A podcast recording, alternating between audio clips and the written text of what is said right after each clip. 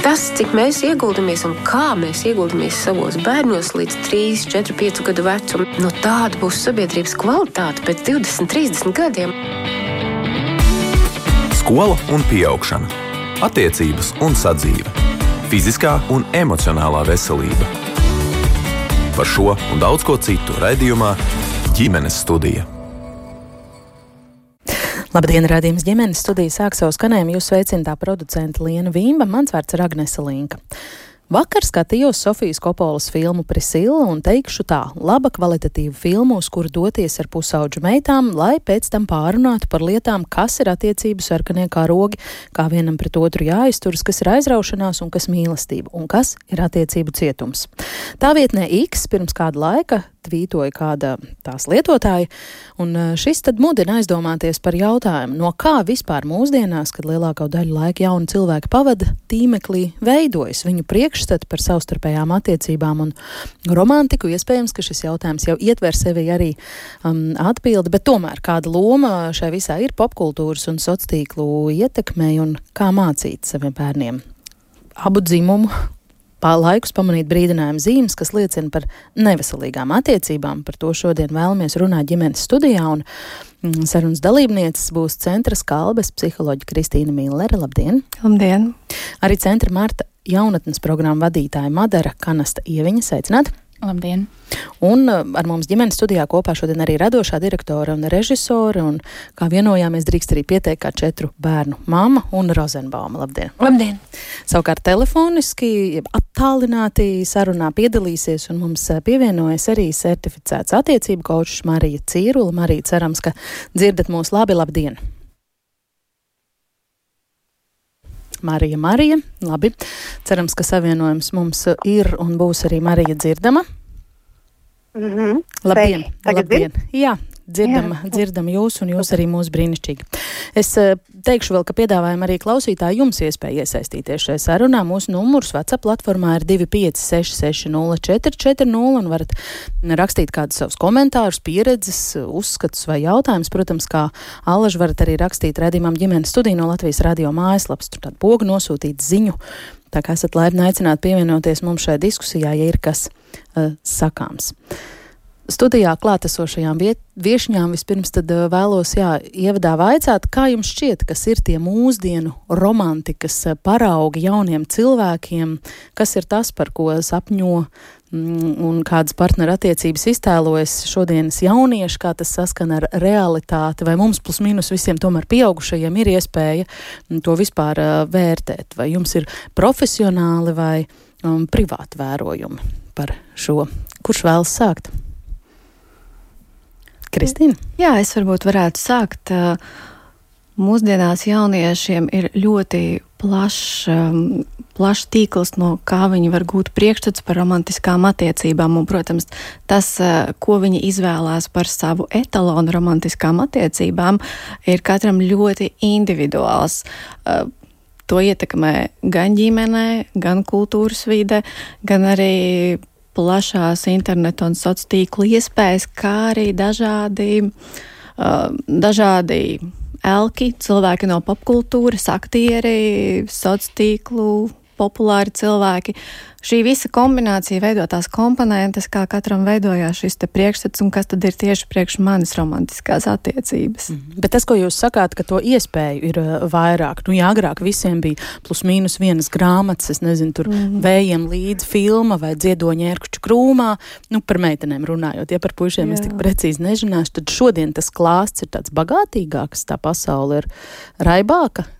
Pilnīgi noteikti, un arī pieejamā informācija ir kļuvusi daudz uh, vienkāršāk pieejama, jo tas, kas arī būtu šajā kontekstā svarīgi minēt par atbilstoša vai neatbilstoša satura pieejamību jaunieša vecumposmam, kas dotajā brīdī ir.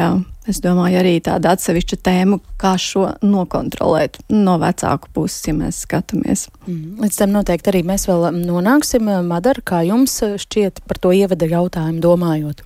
Mm, man liekas, ka no vienas puses, kas es esmu, lai spriestu par to, no kā jaunieši ietekmēs, tam būtu jāsaka pašiem jauniešiem. Bet jūs ar viņiem strādājat? Bet es ar viņiem strādāju, un, un tas, ko es redzu, protams, ir um, ietekmes ir ļoti, ļoti dažādas. Tieši kā Kristina ir teica, ir ļoti dažādi tie lauki, un jaunieši paņem katrs savu kaut kādu modeli.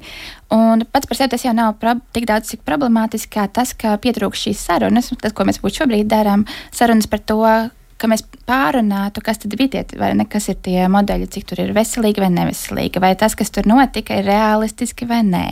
Kā es justos, ja tas tiešām notika ar mani praksē. Mums, piemēram, vakardien arī vadīja nodarbības uh, ogrē ar jauniešiem tieši. Un, Un mēs runājam arī par to pašu greizsirdību, kas mums teorētiski ir tāda ļoti idealizēta, kaislīga attiecību sastāvdaļa, it kā vai ne tādā kino popkultūrā vienmēr ir tas, kas nu, piedod to asumiņu, bet realitātē attiecībās nu, mēs nemaz to greizsirdību nu, neizjustu kā, kval, kā kvalitatīvu pienesumu. Tas būtu tas, kas attiecības ātri vien padarītu neveselīgas. Un, un bieži vien tas ir viens no tiem virzieniem, kurā mēs aizējām jau vardarbīgu attiecību nu, kontekstā. Tā kā pats par sevi ņem no ļoti dažādiem avotiem, bet pietrūkst tieši tās kvalitatīvās sarunas par to, ko viņi ir redzējuši. Mm -hmm. Una? Jā, iespējams, man mazliet citādāks priekšstats, jo man šķiet, ka vismaz manā apkārt, vai ar maniem bērniem, vai ar bērniem tuvumā, tā saruna tomēr notiek. Un, un ka, ka, ka mēs gan pārunājam, gan ar maniem draugu bērniem, gan visiem apkārt. Un nezinu, tur brīnišķīgā filma Sex Education, kur man liekas ļoti labs piemērs par to, mm, vai viņi parāda patiesībā, cik daudz atvērtāki un sakarīgāki uh, tie bērni un jaunieši mūsdienās ir, un cik daudz dziļāk viņi domā par lietām un mazāk paļaujas uz kaut kādiem impulsiem. Vismaz tāda ir mana pieredze arī esot audzinātājiem nometnēs un, un tā tālāk, jo, jo es redzu, ka viņi ir daudz gatavāki šai sarunai. Nu, man nav bijis problēma runāt ne ar puikām par to, kas ir dzimuma attiecības, atgādināt, ka, ja dodas pie draudzenes, tad vajag prezervatīvu un tā tālāk, kas ir. Tā ir normālā sarunas forma. Es neatceros, ka man kāds būtu mēģinājis kaut ko tādu paskaidrot manā bērnībā, jo tad tas bija tabū.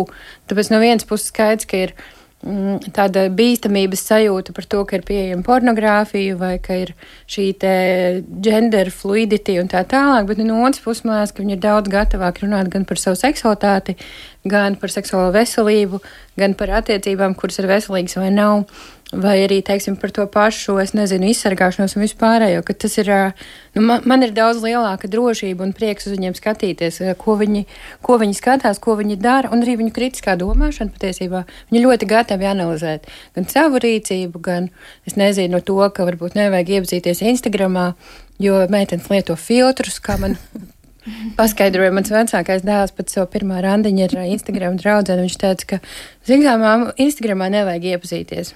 Nu, tā ir kā es būtu taisījusies, bet nu, viņi arī dalās ar tām savām zināšanām.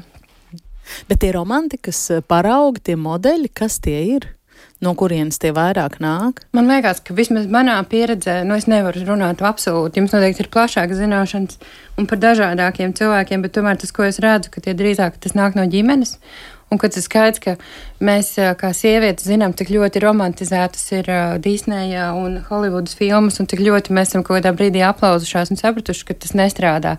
Bet man liekas, ka tajā gadījumā, kad tas nonāk līdz īstām attiecībām, vismaz tie mani jaunieši, kas kaut ko tādu jau ir uzsākuši, ir daudz nopietnāki, analītiskāki, sarunāties spējīgāki nekā mēs bijām viņu vecumā. Bet tas, protams, atkarīgs no vidas.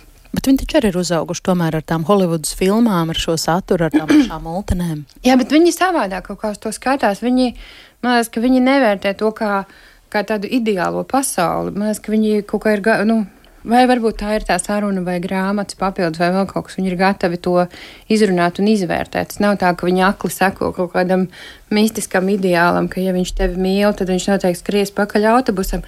Tā nav. Viņam ir kaut kāds cits tas priekšstats. Ja. Šī ir labā ziņa. Marija, uzmanīgi kolēģēs eh, klausoties, eh, ko jūs eh, vēlētos piebilst un teikt, kādi jūsu vērojumi par jauniešu priekšstatiem un to, kā tie veidojas un kas uz tiem atstāja ietekmi, ja runājam par tādām romantiskām partnerattiecībām. Jā, tas, ko es dzirdu arī kolēģiem, ko, ko viņi stāsta, ka laikam ļoti atkarīgs ir tas, kādā burbulī tas jaunietis atrodas. Gan uh, ģimenes draugu, gan arī sociālo mēdīju. Un viena no tām lietām, kas uh, ārkārtīgi man liekas interesanti un fascinējoši par to, kā sociālajie mēdīji un vispār popkultūra, televīzija uh, normalizē lietas vai padara seksīgas un iekārojamas lietas attiecībās, kas nemaz nav nu, tādas uzvedību, ko mēs gribētu redzēt. Piemēram, nu, slavenā filmā uh, 50 greja nokrāsas, kā tāds ļoti spilgts piemērs. Tiek normalizēts kaut kas, kas galīgi nav dabīgs vai, vai patīkams, kurā būt. Un uh, kāda sieviete varbūt, nu, vai pusaudis, kas atopās tāda veida attiecībās, var uh, pie sevis domāt, past, es esmu pati savā filmā. Un es piekrītu, ka jauniešiem kritiskā domāšana um, patiesībā tiek mācīta daudz vairāk nekā, nu, piemēram, man. Man ir 30 gadi un man uh, skolā nemācīja kritisko domāšanu, bet šeit es redzu, ka tā ir tēma, par ko tiek runāts. Tomēr man šķiet, ka tas ir ļoti, ļoti atkarīgs no ģimenes un ļoti atkarīgs arī no uh, vides, kurā jaunietis ikdienā uzturās, un arī no viņa draugiem. Vai viņi ir kritiski domājoši un spēj izsvērt, vai arī savukārt viņiem izveidojās šie priekšstati. Un, ja nav drošas vides, kur par to dalīties, nav šī atvērtā vieta, kur būt un stāstīt, kas viņiem ir prātā un sirdīs, uh, tad var gadīties uh, nu, visādi, kā arī gadās šobrīd. Kristīna, jūs mājāt ar galvu.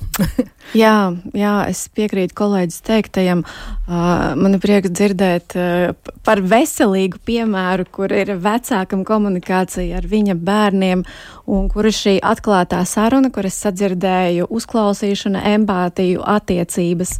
Jā, un tiešām tādas ļoti daudzas veselīgas komunikācijas iezīmes, kas noteikti šo te ceļu romantiskajās attiecībās jaunietim ar hormonu vētru, kad tā iestājās, padara uh, daudz drošāku un ir kaut kādi tie drošie karodziņi salikti, pa kādu trajektoriju ir uh, viņam virzīties. Šis ir ļoti labs piemērs, bet, uh, diemžēl, tas ne, mēs nevaram to attiecināt uz visu sabiedrību. Un ir arī jaunieši, kur ārkārtīgi paņem un idealizē kaut kādu vienu tēlu, vienu elku, vai kaut kādu konkrētu rīcību. Jā, paldies kolēģei par šo piemēru par filmu, jā, par, par to, kā tur tiek ieliktas kaut kādas, tiek parādītas vērtības, kuras jaunietis var paņemt kā tādu, kā daļu no komponenta šim te romantisku attiecību etalonam. Jo ir arī ļoti daudz gadījumi praksē par, par stāstiem, kur jaunietis paņem kaut kādu filmas iedvesmotu sižetu un cer pārnest to dzīvē, un tad ir ļoti daudz saskarē ar realitāti un daudz šo vilšanos, un arī šīs te, um, tā kā, ja ir prasmes, bet bieži gadās, ka šo prasmi nav, kā tikt galā ar pirmo romantisko krīzi, ja, jo viņa parasti ir sāpīga, ja ir kaut kāds viens ideāls paņemts, kas nesaskan ar realitāti. Mm. Tam, tam es ļoti piekrītu par to ideālu, kurš neskan ar realitāti, jo arī skatoties gan uz sevi, gan, gan uz saviem pusauģiem, var redzēt, kā viņi izvēlās tos partnerus vai iemīļotos, ka sākumā pilnīgi noteikti tas ir vizuālais faktors, un pēc tam tikai sākās kaut kāda vispār doma par sarunu vai, vai par to, ka ir nepieciešams saprasties. Un tad, tas, tas, man liekas, ir viens no būtiskajiem aspektiem, ko, kur šī popkultūra īpaši nepalīdz. Nu, tādā ziņā, ka mēs esam tomēr ļoti vērsti uz to, ka nevis skaistums izglābs pasauli, bet skaistums ir vienīgais, kas ir svarīgi. Mm. Es pat varu papildināt, tas, nu jā, jo uh, tas, ko vēl popkultūra vai ne nedara, arī popkultūra neparāda, kas notiek pēc tā pirmā um, laimīgā skūpsta vai tās sajiešanas kopā. Nu, bieži vien mēs beidzam uh, filmas vai seriālus vai jebko citu ar to, ka, nu, ok, tur kaut kāds drāmas bija, beigās viss sajiet kopā un laimīgi tālāk eksistē, bet viņi neiedod jauniešiem, uh, nu, vispār sabiedrībā, bet neiedod un nenormalizē to, ka mums pie situācijām ir jāstrādā. Mums ir jārisina dažādas problēmas, mums ir jāmācās menedžēt savas emocijas, jāmācās konfliktēt eh, konstruktīvi, nevis. Eh, un tas ir tas, ja mums nav iedots citā kaut kādā pieredzē, skolā, ģimenē vai kur šīs izpratne par to, kā mēs cieņpilni komunicējam. Un, nu, mums nav ar, nu, kā ņemt to. Un tad jau sākas, nu, okay, vai nu mēs šķiramies, vai tur ir kaut kāda riska jau nu, attiecīgi neveselīgām izpausmēm, kas var novest līdz vardarbībai, emocionālai vai, vai cita veida arī. Jā, principā vajadzētu vienkārši mācīt strīdēties. Nu, Jā. jo, jo tas ir tas, par ko ļoti maz runā. Kā arī tajās pasā, pašās Disneja mūtnēs mēs, mums viss laimīgi beidzās. Bet tad, ja nav viss ideāli, tad cilvēki ļoti bieži mēdz viens no otra slēpt to, ka nav ideāli. Mm. Un, ja ir kāds strīds, tad viņi uzskata uzreiz, ka jāšķirās. Man liekas, ka tā, nu, tā strīda normalizēšana vai izvešana tam cauri varētu būt tāds uh, uzdevums popkultūrai. Ja mums būtu iespēja uzdot tādu, vai ne? Jā. Marija. Jā. Um, es no savas puses arī gribēju pa papildināt kolēģis, jo man ārkārtīgi šī tēma liekas interesanti, jo uh, es arī tā novēroju, ka vat, redzi, filmas un sociālajie mēdīji rada šo sajūtu par tiem milzīgiem romantiskajiem žestiem, no kā attiecības veidojās arī šajās Disneja filmās vai, vai populārajā kino, kas šobrīd ir, ir šie žesti, kur tur puisis skrien tur uz to lidostu, vai tur ir tūkstots rožu pušķis sociālajos mēdījos vai kādā filmā. Un, un tas aizmirst, un tas aizmirst parādīt to, ka patiesībā veselīgas attiecības veidojās no regulāras ikdien, regulārām ikdienas darbībām otra un attiecību labā. Un, un tad, ieejot attiecībās, var likties, kur tad ir tā mīlestība, kas sastāv no šīm tūkstots rozēm vai šī kliedziena tālumā, ka es tevi mīlu un tu man nekad nepazaudēsi. Uh, bet, uh, jā, rodās tā sajūta, ka manās attiecībās kaut kas trūkst, lai gan patiesībā tev ir veselīgas attiecības. Un varbūt ir grūti arī pusauģiem to ieraudzīt, vai arī pat saprast, kas ir veselīgas attiecības, jo, ja parauga nav, un paraugs ir lūk, šie grandiozie žesti, šie, šie mīlestības izpausmes veidi, kas ir, nu, teikt, pārspīlēti, vai arī, nu, reizi kaut kādā konkrētā periodā, mm, tad, jā, sākās šī salīdzināšana, un tad liekas, ka nu, kaut kas nav, kaut kas manās attiecībās nav. Tad arī veidojas tas, ko dāmas saka, kas tagad ir ļoti populāri, ir, ka sajiet kopā un izšķirties, jo nav tās vēlmes strādāt pie attiecībām, jo acīm redzot, nav īstais, ja jau nav tā kā filmās vai tā kā tur tā, tā influenceri, kurai sakoju. Man, Ar, tur ir, es varu jā, droši, vienkārši piebilst. Man liekas, ka tur ir kino ļoti vainīgs pie šī te, pie, pie šī te visa. Un es arī ļoti labi saprotu, kāpēc.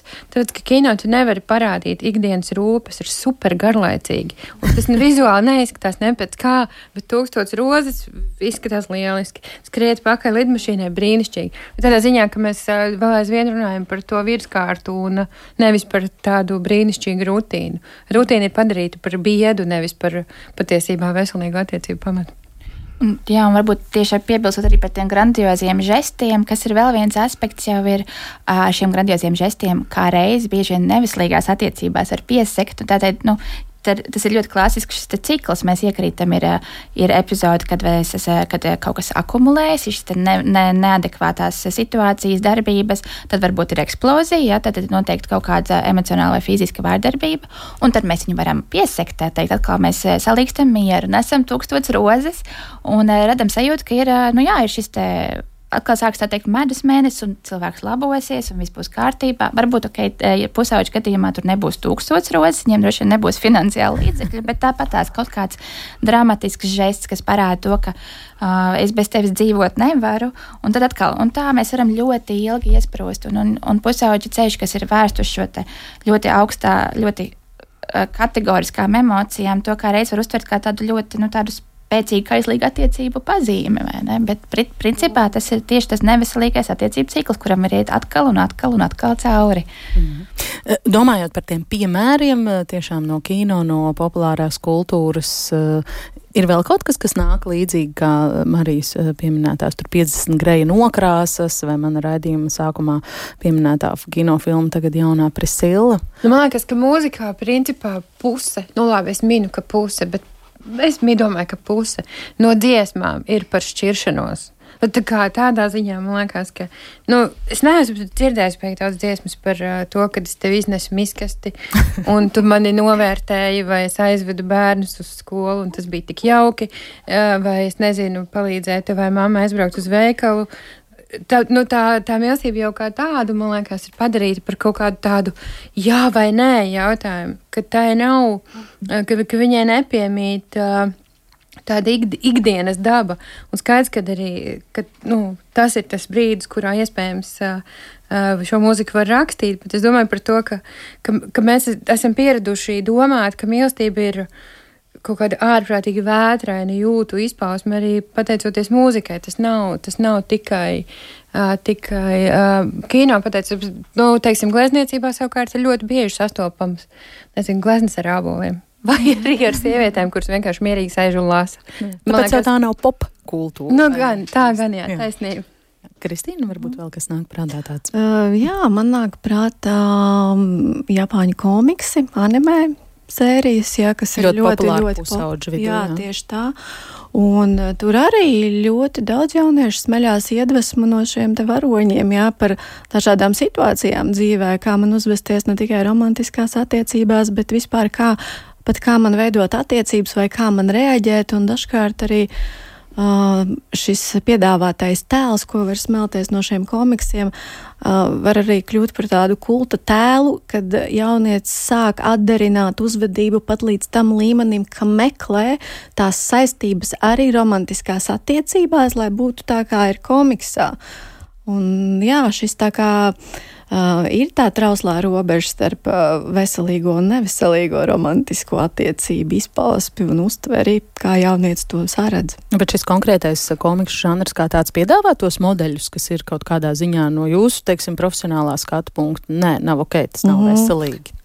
Uh, es droši vien nebūšu eksperts šī jautājuma atbildē, jo neesmu lasījusi visus anime materiālus, ko piedāvā. Man, man ir mājās diezgan daudz, un es saprotu, bet tur patiesībā ir tieši tas pats, ko mēs runājam par visu popkultūru kopumā. Tur ir tāda divu cilvēku ilga mīlestība, kas nemainās, un tad, protams, ir, nu, tur ir diezgan skaidri noteikts patiesībā vērtības. Tāpēc man pret anime ir maz iebildumi, jo tur ir nu, tā, ka Uh, un kāpēc man arī teiksim, patīk seksi um, education, ko es atbalstu, ir ļoti skaidri saprotams, kas ir labi, kas ir veselīgi un kas nav ok. Un tad tie, kas ir tie ļaunie negatīvie, tur mm, twisted varoņi, mm ka viņiem drīzāk piemīt tāda neveselīga šī morāla un ētika. Tā kā man tur, tur man liekas, ka ir diezgan, bet es uh, saprotu, ko jūs sakat, ka tur ir, ka tu meklē patiesībā neveselīgu attiecību modeļus, tāpēc, ka tu gribi būt kā tas, nevis tas normālais pozitīvais varonis, bet tu gribi būt outsiders, jo tas tas, ko viņi meklē, mm -hmm. gan pusauģi, gan jaunieši. Mm -hmm. Tā kā iespējams, ka tur ir tā, tā, tas aspekts. Jā, un um, ļoti labi vārdu pateica outsiders. Tā sajūta, ar ko viņi bieži nonāk manā redzeslokā, ir tieši šī sajūta. Jā, it, kā, it kā viss ir labi, viss ir ok, bet mēs nonākam līdz tam, ka viņš jūtās kā outsiders, esot pie tā, ka teorētiski viņam viss pat ir, ir pat romantiskas attiecības. Tādas, kā viņš ir iedomājies, kādām viņam jābūt, bet tur sākās visādas grūtības. Mm. Mm. Jā, kāda klausītāja mums eh, parakstījusies, kā mamma vana bija tīneidžerei, raksta, ka no sirds visiem iesaka noklausīties profesora Alanda Botona lekciju Sidnejā par romantismu. Alaina de Botona un romanticismu YouTube izcils saturs, kur caur piemēriem pasmieties pašiem par sevi un savu popkultūras uh, kodu. Marija, vai jums varbūt vēl ir kādi piemēri, kur jūs esat novērojusi, jā, kur šī mm, populārās kultūras, vai varbūt tieši jūsu, eh, tā teikt, smilšu kaste, kur jūs darbojaties, mhm. eh, sociālo tīklu vide, kur eh, šie modeļi nav atzīstami, nav atbalstāmi tieši no tādas attiecību veidošanas perspektīvas, kas tur dominē, kas ir trendā? Mm. Dzirdu tevi. Es tūpās, uh, Nu, no, no popkultūras man vairāk nāk prātā, tagad ir tā jaunā filma, kas iznākusi Netflixā, ir, kur ir jauna meitene iemīlās savā skolotājā. Es neesmu pats viņu redzējis, bet viņa iemīlās savā skolotājā, un tad viņa pavadina, un cik es saprotu, tā filma nu, tur atspoguļo to, cik tas ir kaislīgi, romantiski un skaisti par sekām varbūt netik ļoti uzsvarots. Bet um, sociālajos mēdījos vairāk, vismaz tas, ko es novēroju, ir uh, ir, eh, ir tas, ka cilvēki dalās ļoti daudz ar informāciju, ir ļoti daudz informācijas, kas bieži vien arī ir vērtīga, radot ilūziju, ka nu, tagad eh, jaunietis ir profiņš tajā, kā veidot attiecības. Ir saklausies ļoti daudz, saglabājis ļoti daudz video, un tad radās uh, viltus sajūta patiesībā par to, ka nu, es zinu, teorētiski es zinu, un tad praksē, ejot iekšā un mēģinot veidot attiecības, tas nav gluži tā kā teorijā. Un tas, ko es ar saviem klientiem strādājot, arī redzu, ka mm, ka, ka nav tās vietas, kur pārunāt to, nav tās uh, drošās, atklātās vietas. Es iedomājos, ka pusauģiem jo īpaši, um, ja viņiem nav ģimenē drošas vietas, kur pārunāt to, kas ir noticis attiecībās, kam viņi ir izgājuši cauri, ja viņiem nav uzticami draugi, kas uh, nu, ir kaut cik emocionāli inteliģenti, vai viņiem nav nezinu, kāds jauniešu centrs, uz kur viņi var doties, vai kāda uzticības persona, kas ir pieaugušs cilvēks un kas spēj izsvērt. Um, man liekas, ka tur veidojās tāds. Uh, mm, nu, tāds pelēkā zona, kur varētu būt labi, kur jaunietis izrunā, un pēc tam viņš saprot, ah, bet, vai arī kur aiziet galīgi šķērsām. Un jaunietis pats pieņem kaut kādu savu lēmumu, balstoties uz savām zināšanām, nu, uz to, kas viņam tajā brīdī ir pieejams resursiem. Nē, bet te jau droši vien ir tas jautājums, vai tas, ko viņš ir noskatījies, nezinu, YouTube, TikTokā vai Netflixā, vai tur tās sarunas ar uzticamiem pieaugušajiem stāv līdzi vispār jaudas un ietekmes ziņā. Kā jums šķiet? Marija, Jā, no, šeit ir jautājums. Jā, es paturpināšu. Uh, jā, šeit ir jautājums, kas ir tie, nu, dāmas te minēja vārdu etalons, kas ir tie etaloni, ko viņš ir izvēlējies, kas ir tas viņa burbulis. Jo, ja viņš ir atradis cilvēkus, kas viņam rezonē enerģētiski un, un, un viņam izveidosies tā saikne, un tie ir veselīgi paraugi par to, kā veidot attiecības, kas ir attiecības, un attiecības arī ar sevi patiesībā, jo tur jau arī tas viss sākās. Ja viņam attiecības ar sevi nu, ir, ir, ir diezgan Un tie standarti, kādi viņam ir attiecībās ar sevi, visticamāk nāks līdzi arī uz attiecībām ar citiem. Um, Tā kā es laikam būšu pie tā, ka tas ir atkarīgs no kurā burbulī viņš ir trāpījies, jo tad jau tas algoritms turpina viņam barot to, ko viņš jau skatās. Līdz ar to viņš attopās vēl lielākā burbulī.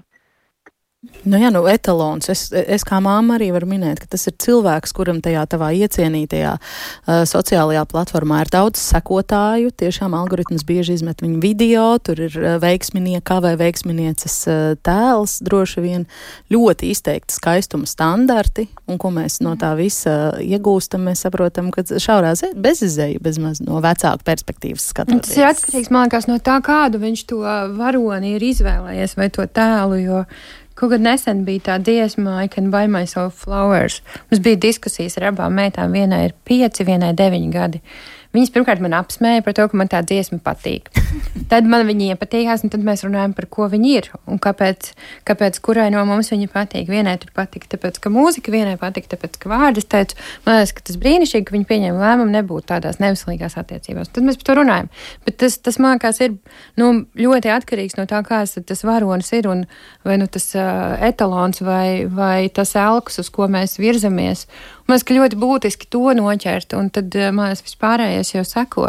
Jo, ja tu, nezinu, ja, ja tu secini, ka tavs bērns ļoti uh, uzmanīgi skatās Petersonu, tad varbūt, ka vajag kaut kā parunāt par to, kāpēc šķiet, ka šāda veida domāšana vai patriarchāts ir vēl aizvien aktuāls, un vai viņš ir. Nu, tādā ziņā, ka ļoti maz, ka tajā brīdī, kad izkristalizējās, viņš izkristalizējās, jo viņi par to runā, vai vismaz es nezinu, ar mani. Mm -hmm. vai, vai to var nojaust pēc kaut kādiem tekstiem.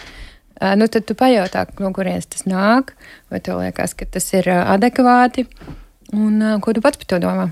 Tas ir tāds intelektuāls sarunas. Un ar 5 un 9 minu arī vēl ir diezgan iespējams ar šo pārunāt. 15 jau varētu būt. 15 ir tieši Šaubīgāk. tas, kas, ko, par ko es runāju par Petersonu. Ah, okay. Tas bija tas. Ne, tad, kad ir 21, tad ir daudz grūtāk kaut ko pārunāt. Nu, tur zina labāk. Madara gribēja. Jā, es ir, tas, ko es um, dzirdu, ir tas uh, fantastiskais variants, kurā, nu jā, tiek jau runāts uh, 5, 9, 6, vienalga 10 gados, jo tas ir tas ceļš, kur, ja kāds ar bērniem un jauniešiem runā tajā jau sākotnēji, viņi pierod sarunāties, un viņi turpinās runāt. Protams, jā, tajos uh, 15 un 21 būs daudz grūtāk iestartēt, bet, piemēram, tas, ko mēs esam redzējuši, jauniešiem īstenībā ļoti gribās un vajag to drošo vidi, kurā sarunāties. Uh, Um, piemēram, nu jā, mums ir šī arī no Marta puses, mēs veidojam šo metodoloģiju, kur mēs aicinām skolās vai jauniešu centros veidot līderiem konkrēti šīs regulārās tikšanās, kur jauniešiem ir mazas, mazas grupas, kurās viņi nāk pārunā jautājumus, piemēram, sākot no emocijām, draudzībām uh, un tālāk nonākot līdz tiešām kaut kādiem modeļiem, ko viņi redzējuši attiecībā uz uh, dzimumu stereotipiem vai uz vārdarbību. Un, piemēram, šādā veidā mēs tiešām redzam, ka jaunieši atverās un izveido to drošo vidi, kur viņi beidzot, nu, lielākoties tas, ko viņi pēc tam nāk ārā un saka, ir, beidzot man bija vieta, kur droši parunāt par to, kas, nu, jā, ko es esmu redzējis un dzirdējis, un kur man neviens nenosoda. Un tas ir tas, ko viņi reizēm tieši draugu vidū nedabūna. Uh, jo to mēs redzējām arī, piemēram, tad, kad bija šis lielais skandāls par uh, grūmingu un līderapskāvienu. Tur tieši vairākas no meitenēm teica, ka principā viņas bija jau savu draugu vidū pacēlušas un minējušas, ka viņām bija šāda pieredze, un, un draugi bija normalizējuši to. Un tikai pēc gadiem uh, meitenes, uh, tagad jau jaunas sievietes, bija sapratušas, ka nē, tas nebija ok. Bet tajā vidē, mirklī, viņu draugi un līdzcilvēki normalizēja prakses, kas nebija veselīgas. Mm. Ja viņām būtu bijis iespēja būt alternatīvā vidē, kur kāds jau uzjautātu, vai tas ir ok. Man tādā ziņā, nu, popkultūra to pašu normalizē. Mēs redzam šos lielās vecuma atšķirības, varas atšķirību, kas ir, kā, kas ir bieži vien ļoti ok tādā popkultūras formātā. Mm. Nu, jā, tad droši vien jautājums arī par eh, meitenēm un eh, zēniem ir tās atšķirības droši vien, kas eh, uz kā uzķeras viena dzimuma prāti un kas vairāk rezonē otriem. Par drošo vidi un sarunām. Mūsu diskusiju šeit uz īsu brīdi papildinās arī kāds citāts. Es atskaņošu mm, fragmentu no biedrības papardas ziets vadītājas Ivets Ķelles teiktā šai ģimenes studijas raidījumā 1. februārī mēs runājām diskusiju par jauniešu seksuālo veselību un eh, paklausīsimies kādu spilgtīvets citātu. Nodarbības, ko vada mūsu speciālisti, viņas veidojot šo drošo atmosfēru un arī to, ka mēs aizējam prom, pēc tam mēs nebūsim. Mums jaunieši uzticās. Ne tikai uzticās, bet viņi savstarpēji sarunājās. Bet es gribu vienu tādu bet piebilst, un es nezinu, kas tur darāms. Es domāju, tur arī sociālo tīklu ietekmi pirms naktu studijas jautāja mūsu izglītotājiem. Un uh, tie vērojumi ir tādi, ka pirmkārt ir uh, daudziem puišiem vairāk. Tiešām šī pornogrāfijas ietekme un ir tādi ārkārtīgi ne tikai aizskaroši, rupji vārdi, ko viņi lieto saziņā ar meitenēm, bet ir arī tādi aizskaroši pieskārieni, ko viņi ir apgūši šajās pornogrāfijas mācību stundās. Un ir daļa jauniešu, kuri kaut kā neizvērtē to, nu, ka tas ķermenis ir vērtība un kur tiešām pret seksuālām attiecībām viņiem ir attieksme, ka tas jau nekas nav. Nu, tagad viens, nu, tad rīt otrs, tad trešais. Un es šeit negribu vispārināt. Bet ir tādi jaunieši, un arī grūti pateikt, vai to viņiem ir radījuši šie sociālo mēdīju lietošanas paradumi, kur viņi redz šādu attiecību modeļus, vai um, kopumā mūsu kaut kāda sabiedrības norises, bet tie vairāk tie vērojumi strādājot jauniešiem. Un sarunas par eh, šīm tēmām viņas mūsdienās nevar būt par agru, jo, diemžēl, sociālie tīkli ir, dara savu. Apsteidz mūs. Absolūti apsteidz. Un man ir tā sajūta, ka nereti vecāki dzīvo vakardienā un bērni dzīvo rītdienā. Ģimenes studija. Jā, es tikai atgādināšu, ka ģimenes studijā mēs šodien runājam par to, kāda ir populārās kultūras un sociālo vidas ietekme uz jaunu cilvēku priekšstatiem par uh, savstarpējām attiecībām, to starp, to starp partneru attiecībām. Un uh, sarunā piedalās uh, centra kalbas psiholoģija Kristīna Millere. Uh, centra Marta jaunatnes programma vadītāja Madara Kanasta Ieviņa, arī radošā direktora režisora Una Rozenbauma un certificēta attiecību kočs Marija Cīrule. Mm, un, ja jūs vēlaties, ko piebilst mūsu numurs WhatsApp platformā ir 25660440, protams, varat sūtīt arī ziņu raidījumam ģimenes studiju no Latvijas radio mājaslapas. Kristīna uzreiz deva zīmi, ka viņa grib komentēt. Nu, pat Ivets ķēles papardziet, citāts izskanēja. Jā, tas mans komentārs būtu tātad par to, kā vecākam mēģināt uzrunāt savu jaunieti un saprast, kādā burbulī jaunietis ir nokļuvis un kam viņš seko, būtu vērtīgi painteresēties, kas ir te vēlki. Jā, kā, kas tev patīk, parunāt, varbūt, oh, ok, tev patīk konkrēti tas vai tas, kas tieši tev viņā patīk, kādas īpašības tev viņā patīk, mm, kādas vērtības tev patīk, kas patīk tieši viņa uzvedībā, ja tā kā lai tiktu klāt un mēģinātu saprast to savu jaunieti, kā veidojās tie viņa priekšstati par romantiskām attiecībām. Nu, un, respektīvi, ja mēs saprotam, ka tur ir kaut kādas pazīmes par šiem sarkaniem karodziņiem vai valkus toksiskās trajektorijas pusi, tad uh, mēs kā vecāki varam veikt savas intervences un piedāvāt šo veselīgo modeli. Mm, bet tas, ko teica Iveta, patiesībā, ka mm, tieši ar šiem papardas ziedu nodarbību vadītājiem mm. jaunieši atbrīvojās, un tur viņi var pārspriest un parādīt un pateikt to, ko viņi varbūt nekad nepateiks vecākiem. Un Ai. tas, um, nu, ko mm. Iveta minēja, tās droši vien nav tās tēmas, kas ar vecākiem tiek atklāti apspriestas, bet tas arī ir stāsts par attiecību veidošanu, par uzskatiem, par priekšstatiem par attiecībām. Nu, es, ka tas, ko, ko papards zieds brīnišķīgi dara un par ko viņam milzīgs paldies, viņi patiesībā māca ne tikai uh, runāt par seksuālajām attiecībām, romantiskajām, vēl kaut ko, viņi māca sarunāties. Jo tā ir tā sadaļa, kas ļoti bieži izpaliek, tāpēc, ka gan tādā jauniešu vidū, gan pusauģu, gan arī mūsu pieaugušo starpā vēl jau vairāk mēs neprotam sarunāties. Mēs momentā, kā kāds izsaka kādu viedokli, kas mums šķiet neuzreiz pieņemams, mēs viņu momentāli nodēšam un sakam, ka tas neeksistē. Jo man liekas, ka tā būtiskākā lieta jau ir nevis tas, ka tu, tu runā ar vecākiem vai ar draugiem, bet ka ir kāds, kas tevi uzklausa. Un tev šķiet, ka tavs viedoklis ir svarīgs, un tu tici tam, ka tas, ko tu domā, ir vērā ņemams. Nevis pa paļaujies tam spiedienam. Man liekas, tas ir ļoti būtiski. Un, ja to kaut kā varētu kultivēt ka tas tā ir arī brīnišķīga lieta. Jo, jo vienalga, pat ja visi skrien uz vienu pusi, tev ir jāvar saprast, kāpēc tev ir tā sajūta vai kāpēc tev ir tā pārliecība. Un jā, ir jāspēj viņu artikulēt. Man liekas, tas ļoti būtiski. Un tas, tas ko, ko papērs zieds māca, un tāpēc arī ir tā, ka tie jaunieši pēc tam, kad viņi iemācās sarunāties šādā vidē, viņi to sarunu var turpināt arī bez tiem papērs ziedu cilvēkiem. Mm, bet par šīm biedrības vadītājas paustajām bažām ko viņa atnes līdz šai studijai iepriekšējā sarunā. Mm. Un mūsu šodienas uh, temata kontekstā. Nu, nenoliedzami arī tas, ko mēs redzam savās nodarbībās un darbā ar jauniešiem, Mārtas centrā ir tieši tas pats. Nu, pornogrāfija ir reāli klātesoša un ļoti izvērstā veidā jauniešu dzīvēs. Izteikti puiši, protams, nav tā, ka meitenes vispār neskatās, bet nu, tas arī ir jāapzinās, ka tā pornogrāfija, ko varbūt, kas bija pirms 10, 15 gadiem, kas tajā mirklī bija kā, normāla un kas bija niša, tad šobrīd tas, kas bija niša kādreiz, tagad ir normālā. Tā ir tā nu, mainstream, tā teikt, pornogrāfija. Līdz ar to tur daudz ātrāk ienāk šie vardarbīgie scenāriji. Tāpat neparādās vispār jautājums par jebkāda veida piekrišanu, vai šīm elementārajām lietām. Un, un, protams, ka jaunieši pārņem tos kā modeļus, jo, nu, gribot, negribot, tu to akumulē. Ja tev nav izceļš šobrīd, mums nav skolās kvalitatīvas veselības mācības. Mēs nerunājam par to, kā viņi var uzzināt citādāk, kā rīkoties citādāk.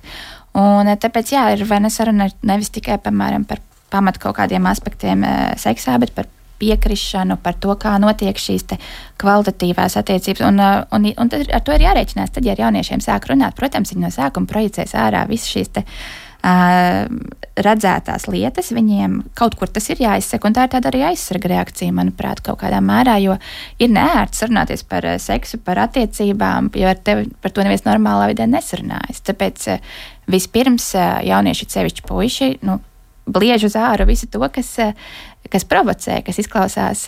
Tur var būt nākt ārā dažādas frāzes no, no, no no, nezinu, no, sākot no spēlēm līdz pornogrāfijai, tur var būt homofobija nākt ārā. Mēs tiešām dzirdam visādas frāzes, un bieži vien tā ir tāda arī kaut kādā mērā aizsardzības, manuprāt, arī bija šī reakcija, jo pēc tam tālāk ejot, bieži vien tur pamatā ir arī daudz kvalitatīva, kvalitatīva doma, kuras nav tik um, galējas, bet uh, puiši, puiši kolektīvā, protams, uh, viens otru provocē un ved uz to tādu aizsardzības mehānismu. Es nevaru atļauties būt vājš, un to, diemžēl, mums šobrīd arī popkultūra rada apkārt. Nu, nav mums, eh, mēs neļaujam joprojām puišiem arī uh, veselīgi sarunāties par attiecībām. Mēs neļaujam atzīt viņiem, ka viņi var būt emocionāli, gribēt vienkārši kvalitatīvas, mīlošas attiecības. Viņiem joprojām ir tas modelis par uh, vajadzību būt spēcīgam, maskulīnam, visādam citādam. Un jā, tas pats piesauktais Petersons, Andrew Teits, kas bija vienbrīd superpopulārs. Nu, ir tādi modeļi, un arī Latvijā mums ik pa laikam ir dažādi personāļi, kas šo kultivē.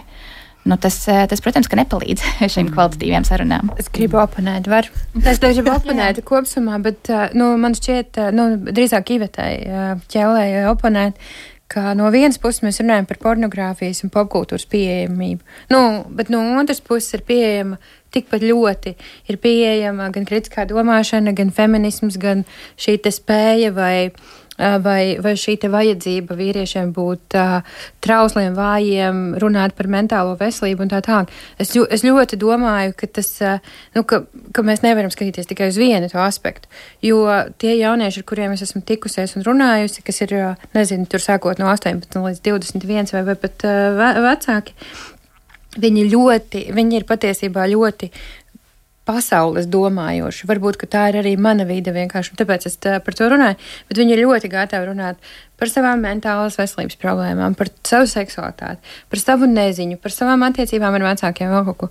Es domāju, tas ir daudz, daudz atklātāk, kas ir labi. Un arī tie, kas, ir, eh, kas izmanto šo aizsargu reakciju, lai runātu par seksu, jo tas nav pieņemts un ar svešu cilvēku tas ir nērti un gribās viņu provocēt un būt kā, tam vistrākākajam. Es domāju, ka aiz tā visa patiesībā slēpjas. Eh, zem tās virskārtas agresīvās slēpjas brīnišķīgi cilvēki. Viņiem vienkārši jāļauj iespēju notikt. Mm. Unai piekrīt kāds mūsu klausītājs, kurš raksta, ka viss sāks no vecākiem. Nekāda elki nevar salauzt domāšanu jaunietim, kas tiek nodots ikdienā no vecākiem. Viņš parakstījies, ka viņam ir trīs tīņi Ak, vai. ģimene. Mēs izsakām līdzjūtību. Jā, Marija, jūs esat ilgāku laiku klausīsies un noteikti, ka arī gribēsiet ko bilst man par Ivets ķēles teikto vai par šeit pēc tam izskanējušām jau replikām. Jā, es par Ivetas teikto par to, ka jauniešu vidū tās seksuālās attiecības tiek uztvertas nu, kā nekas īpašs. Nu, ir tā ir. Un tas ir kaut kas arī, ko nu, var popkultūrā novērot te, televīzijā tieši seriālos, filmās, kur tiešām ieslēdz, var teikt, jebkuru seriālu vai filmu, nu, ļoti liela daudzuma no tām, un tur tiešām tiek normalizēta vien, viens nakts sakars. Tur tiešām tiek atspoguļots tas, ka nu, tāds seksuāls, seksuāla veida attiecības nav nekas īpašs, un tas bieži vien tiek tur parādīts. Un nav brīnums, ka līdzīgi kā video spēles, kurās tu nogalini kādu, līdz ar to vardarbība tiek nu, kaut kādā savā veidā normalizēta tajā prātā. Un, un tas ir kaut kas, kas nu, ir jāņem vērā, ka tā vienkārši šobrīd ir. Un ir interesanti, ka patiesībā jau attiecībās ir iesaistīti divi cilvēki. Un, ja ir, un nevienmēr, kad veidojas attiecības jauniešu starpā un tur ir iesaistīts seks, Eh, tā vajadzība bieži vien nav pēc seksa. Jo var gadīties, ka jaunietim ir sajūta, ka caur šo seksuālo kontaktu viņš patiesībā apmierinās savas vajadzības pēc tuvības, intimitātes, pieņemšanas, mīlestības, un tad šis seksuālais kontakts būs tas, kā viņš to dabūs. Un, eh, un patiesībā tas ir interesantākais, nu, kā caur šo ķermeņa, nu, sanāk tādas ķermeņa attiecības, kur jaunieši satiekās, pārguļ, grib vienu, ja, grib uh, kaut kādas dziļākas uh, lietas sevi apmierināt, savas vajadzības, bet sanāk tādas ķermeņa attiecības. Un, Un tad, eh, un tad sanāk no tāda trūkuma meklēt kaut ko, un tāpēc arī veidojas nepiepildījums. Jeb eh, ir jaunieši, kuri nu, iet šajās attiecībās vienu reizi, otru, trešo, nu, kā Iveta saka, un, un, eh, un tas nav nekas īpašs un, un nestrādā. Un nestrādā jo izrādās, ka, lai veidotos um, tuvas attiecības, nav nepieciešams uh, seksuāls kontakts. Tas veidojās no ievainojamības, no patiesuma, no īstuma, no būšanas tādam, kā es esmu tajā brīdī, no dalīšanās. Un, uh, un tas ir kaut kas, ko man šķiet, uh, nu, pusauģiem nemāca, ko nerāda. Labi, paparda zieds parāda to, kā komunicēt, bet ne visās, nu, ne visās ģimenēs gribētu teikt, ka pat lielākajā daļā pieņemu, tikai pieņēmums nu, ka nav šīs atklātās vietas, kur cilvēks redz, kā veidot patiesi intīmas un tuvas attiecības, kā apmierināt savas, savas tās ilgas un, un to trūkumu, ko tas jaunietis izjūt pēc pieņemšanas, pēc mīlestības, pēc rūpēm. Un, uh, un tad, ja kāds viņam piedāvā šo seksu, tad, uh, tad acīm redzot, uh, tas, tas liekas kā tāds veids, kā līdz tam nonākt. Lai gan kļūdains, ja gribās attiecības, kas patiesībā ir saikne un tuvība. Es jūtu, ka arī, ar, arī par šo vēl varētu veselu atsevišķu sarunu turpināt un e, izvērst, bet vēl viens aspekts, ko es tomēr gribētu pagūt vēl atlikušajā redzījuma laikā pārunāt, jo e, šis, par ko mēs e, iesākumā spriežam un viss tā romantika un attiecību veidošana, tas, protams, ir e, viens e, liels aspekts, bet e, atgriežoties jau pie pieminētā m, sākumā m, kādas. E, Twitter vietnes, X vietnes eh, rakstītājs eh, teiktā, ka filma, kvalitatīva filma, uz kuru aiziet ar pusauģu meitu, lai parādītu, kas ir sarkanie karogi. Attiecībās, tas liek domāt, ka mūsdienās nemainīga aktuāla problēma arī mēs beidzot sabiedrībā aizvien atklātāk runājam par vardarbību attiecībās. Vai tiešām uh, tas tā varētu būt, ka šeit tāds popkultūras žanrs kā kino varētu būt palīdzošs? Jūs, piemēram, un varat iedomāties, ka jūs aiziet ar kādu no saviem bērniem un pēc tam apspriestu uh, nu, tādā didaktiskā veidā izteikti izstāstīts. Šajā filmā bija redzams tas, tas un tas. Man liekas, ka tās ir brīdinājuma zīmes. Didaktiskā veidā saruna vispār nav iespējama, jo tad maniem bērniem aizverās jebkāda. Visiem droši vien. Nu, tā mīnus. arī man liekas jā. jauki tas, ko teica iepriekšējā runātāja par to, kas ir nepieciešams pusauģiem attiecībās un cik būtiski ir novērtēt to, ka ir vajadzīga intimitāte, nevis seks. Es domāju, ja visi pieaugušie to zinātu, tāpēc man liekas mazliet komiski. Bet, bet noteikti, ka tas ir iespējams, un es domāju, ka jebkurā filmā nezinu, skatāmies Tifānijas brokastis, kas ir brīnišķīga filma, kas patiesībā arī ir par uh, vieglas uzvedības sievieti, kurai maksā par to, ka viņa iet uz cietumu uh, un stāsta laika ziņas kādam. Uh, kādam uh, mafijas krustām. Es domāju, jebkurā filmā šīs lietas kopā skatoties, var pamanīt un par tām runāt. Tajās pašās Disneja filmās, Skaistula un Briesmons, viņiem ir diezgan ok, toksisks attiecības sākumā. Un tādā ziņā, ka nav jāmeklē tā filma, es domāju, ka mēs dzīvojam laikā, kurā kurā mainās priekšstats par sievieti, viņas ķermeni, viņas tiesībām, vispārējo, un gandrīz jebkurā filmā, ne, kas ir, nezinu, 10, 20 gadus veca, var ieraudzīt šo te aspektu un par to runāt. Skaidrs, ka par to var runāt tādā ortodoksālā feminisma garā, ka, nu, ka vi, viss ir slikti, bet mēs, ka iezīmēt vienkārši tās lietas vai izcelt tās lietas, nu, nezinu, tur Disneyam ir Mulana, kas brīnišķīga filma par to, kā meitene grib būt šī te karotāja. Un vienkārši, man liekas, ka tu vari ar to saturu kaut kā gan parādīt šādu aspektu, gan tādu, nu, ka tas nevienmēr ir par kleitām, ka tas nav par to, ka kādam tev ir jāizdara pāri un tad jāizglābi. Tā nevienmēr ir mīlestība. Tas ir varbūt tā, var būt, bet, nu, man liekas, ir ļoti daudz iespēju, bet es sākumā, ka tajā brīdī, ja sāk runāt didaktiski, tad mēs pazaudējam jebkuru kontaktu. Drīzāk ar tādu, kā tev šis liekas. Nu, vismaz es tādu redzu. Mm -hmm. Kā jums šķiet? Ir iespējams izmantot uh, arī šos popkultūras narratīvus, uh, lai stāstītu. Tas, kas ar viņiem tur notika, nav forši, tāpēc ka Pilnīgi noteikti šī var būt kā viena no psihoizglītošanas metodēm, jā, bet, lai tas vispār notiktu, te ir jāatgriežas pie bāzes, par ko mēs runājām pirms tam, ka paša pamatā ir komunikācija. Jā, jo, ja nav komunikācijas, ja nav attiecību, kā mēs varam runāt vispār par, par to, kad kāds mums kaut ko stāstīs, kaut vai dalīsies savās pārdomās un sajūtās par filmu. Tā kā komunikācija ir, ir visu pamatu pamats ko vajadzētu mācīt, kur prasmes vajadzētu trenēt. Pilnībā piekrītu kolēģiem, un ja ir šī labā komunikācija, tikai pēc tam var būvēt jau izpratni, kas ir tuvība un kas ir intimitāte. Viss sāks ar komunikāciju. Mm -hmm. Man ir kāda jūsu mazo sarakstiņu salikt. Jūs jau te dažas lietas arī pieminējāt par, par greizsirdību un vēl par šādām tādām mm. lietām, par lielajām vecuma atšķirībām un tādām citādām. Jā, es um, vēl nokomentējot uz to, arī ne, tas pats variants, ka nav jau viena reize aiziešana uz vienu filmu, un uh, kā teicu, didaktiskā formā, nu, nekad nestrādās tā jēgpilni. Bet, uh, Jā, tas, ko var darīt, ir nu, ik pa laikam, nu, jebkura dziesma, filma izskan, kaut kas pajautāt tam savam uh, vienāku bērnam, jaunietim, kurā vecuma posmā viņš ir, ko tu par to domā, oh, vai nu, forša vai nē, vai kāda interesanta frāze būvēt šo pakāpeniski iekšā sarunās. Jo nu, nevar nonākt, it sevišķi, ja sarunas nav bijušas līdz tam, uh, it sevišķi ģimenē. Jā. Viņu nevarēs sākt tā viens un divi. Viņu būvēt pakāpeniski ar vienu jautājumu, frāzi, nokomentēšanu no savas puses. Tātad kaut kā lēnām integrēt tajā visā. Uh, bet, nu jā, tieši ja mēs runājam par kaut kādām tādām pamatpazīmēm, ne, par kurām nu, būtu tomēr jā, jādomā un jāzina. Un bieži vien mēs jau Tur ir tāds, ka arī vecāki un, un, un, un, un, un izglītotāji skolās nav jau arī nezina, kādas ir šīs nevislīgo attiecību pazīmes. Līdz ar to viņi nevar nodot arī saviem bērniem un jauniešiem to līdz galam. Bet, nu jā, kaut vai tā pati idealizētā greizsirdība vai cik ļoti ātri, piemēram, it kā šķietamas rūpes var kļūt par kontroli. Tātad kontrole ļoti, inten, ļoti ļoti izteikta bieža zvanīšana, rakstīšana, visu laiku iečekošanās. Jā, var likties no sākuma, o, cik jauki mans eh, partneris, partneri par mani ritīgi rūpējās un grib zināt, kā man iet. Bet tas ātri vien kļūst par to variantu, kurā es 50 eh, reizes dienā interesējos, un es jau sāku kontrolēt, kāpēc tu esi tik ilgi pie tām draudzenēm vai draugiem.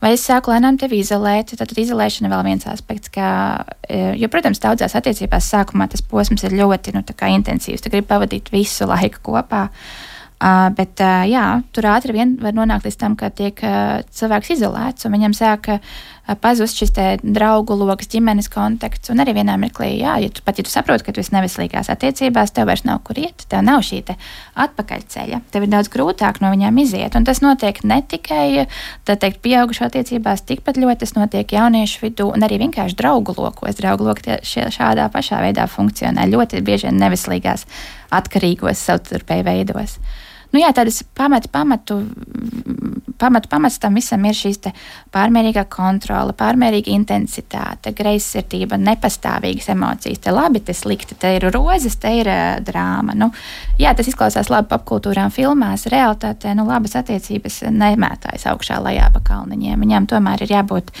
kaut kam tādam, kas manai labūtībai dod šo papildinājumu, nevis visu laiku man iedzen grāvī un tad ceļ augšā. Uh, Uh, un to mēs, man liekas, bieži vien aizmirstam jauniešiem pastāstīt un iemācīt. Jā, tieši to, ka nu, tev nav jābūt visu laiku augšā lejā. Ir ok, justies normāli vienkārši. Uh, nu, tie ir tādi, protams, ir, ir vēl daudzas dažādas veidu pazīmes, bet mans galvenais vispār vēstījums, ja kaut kas tur neliekās ok, tad visticamāk tas nav ok. Nu, kā, ticēt tai sajūtai, ja tu jūties nekomfortabli, ja kaut kas tevi ierobežo, vai tu redz, ka taviem apkārtējiem kaut kas nav ok, nu, visticamāk, tur ir kaut kāds pamatojums, vai ne? Nu, tas nav, mēs neradām to sajūtu. Uh, tas diskomforts nerodās ne no kā. Mm -hmm. Marija, jums došu pēdējo vārdu, jo redzējums pietuvojas savai izskaņai. Jūs gribētu vēl ko rezumēt? Jā, es, es papildinātu Madaru ļoti daudz ko rezonēju, ko viņa teica, un varbūt pie tādiem sarkaniem karogiem gribās arī pielikt, nu, ka nav iespējas uzticēties, ka nav sajūta, ka es varu tev uzticēties, ka es varu būt atklāta. Tāpat arī jebkāda veida necieņa, uh, nu, protams, arī visa veida vārdarbība. Un, un šeit gribētu uzsvērt, ka ir jāuzticas to, ko jau Madara teica, savām sajūtām, ka ja Ew, ja kaut kas nav, tad visticamāk kaut kas nav, tad jāšķiet, kas tur nav. Un šeit atgriežos pie tā, ko viena cita kolēģi minēja par komunikāciju. Jo redziet, tu atklāji, ka tavās attiecībās sarkanais karoks nav no tā jābīstās vai tagad jādomā, oh, nu tad viss attiecības jāizbeidz. Nē, nē, par to ir jārunā. Jo varbūt cilvēks neapzināti to dara. Varbūt cilvēkam pašam nav izpratnes šobrīd, ka es esmu kontrolējoša. Un ja tu pievērsīsi manu uzmanību tam, tad varbūt mēs to varam izrunāt. Bet šeit atkal atgriežas pie komunikācijas un spējas sarunāties. Un tas ir kaut kas, kas ne tikai pusauģiem, bet arī pieaugušiem trūkst. Tā, tā ir prasme, ko mums no bērnības mums iemācīja izteikt vārdus, bet, eh, bet ko otrs sadzird no tā un kā nodot tas, kas manā iekšējā pasaulē notiek, ietērpjot vārdos, to diemžēl mēs vēl mācāmies arī kā pieaugušie. Jā, un beig beigās jau laikam arī mums pašiem pieaugušajiem vērts ir atcerēties, ka uh, tie skaistie uh, populārās kultūras mums piedāvātie stāsti un sižeti ir jāskatās dažreiz caur to analītisko prizmu, īpaši, ja gribas uh, kādam uh, par sevi jaunākam cilvēkam kaut ko no tā pāanalizēt kopīgi un pastāstīt. Jo mēs jau droši vien krītam arī tajās pašās romantisko stāstu lamatās par prinčiem un princesēm. Paldies par sarunu ģimenes studijā. Es šodien teikšu tās dalībniecēm Kristīnai Millerei, Madarai Kanastai Ieviņai, Junai Rozenbaumai un Marijai Cīrulei. Par raidījumu tapšanu šodien rūpējās Liena Vimba, pie skaņpults bija Aleksandrs Šaicenovs, mans vārds ir Agnes Linka par digitālo pratību pirmsskolās. Kas tā tāda ir, vai Latvijā jau tiek realizēta, vai plānots to ieviest aktīvāk un kāpēc vispār aktuāli bērnu dārza vecuma izglītojumiem ir digitālā pratība. Par to sarunu ģimenes studijā rīt, kā vienmēr no diviem līdz trījiem. Klausieties mūs arī Latvijas radio mobilajā lietotnē, sekojiet mums eh, podkāstos un sociālos tīklos uz sacirdēšanos.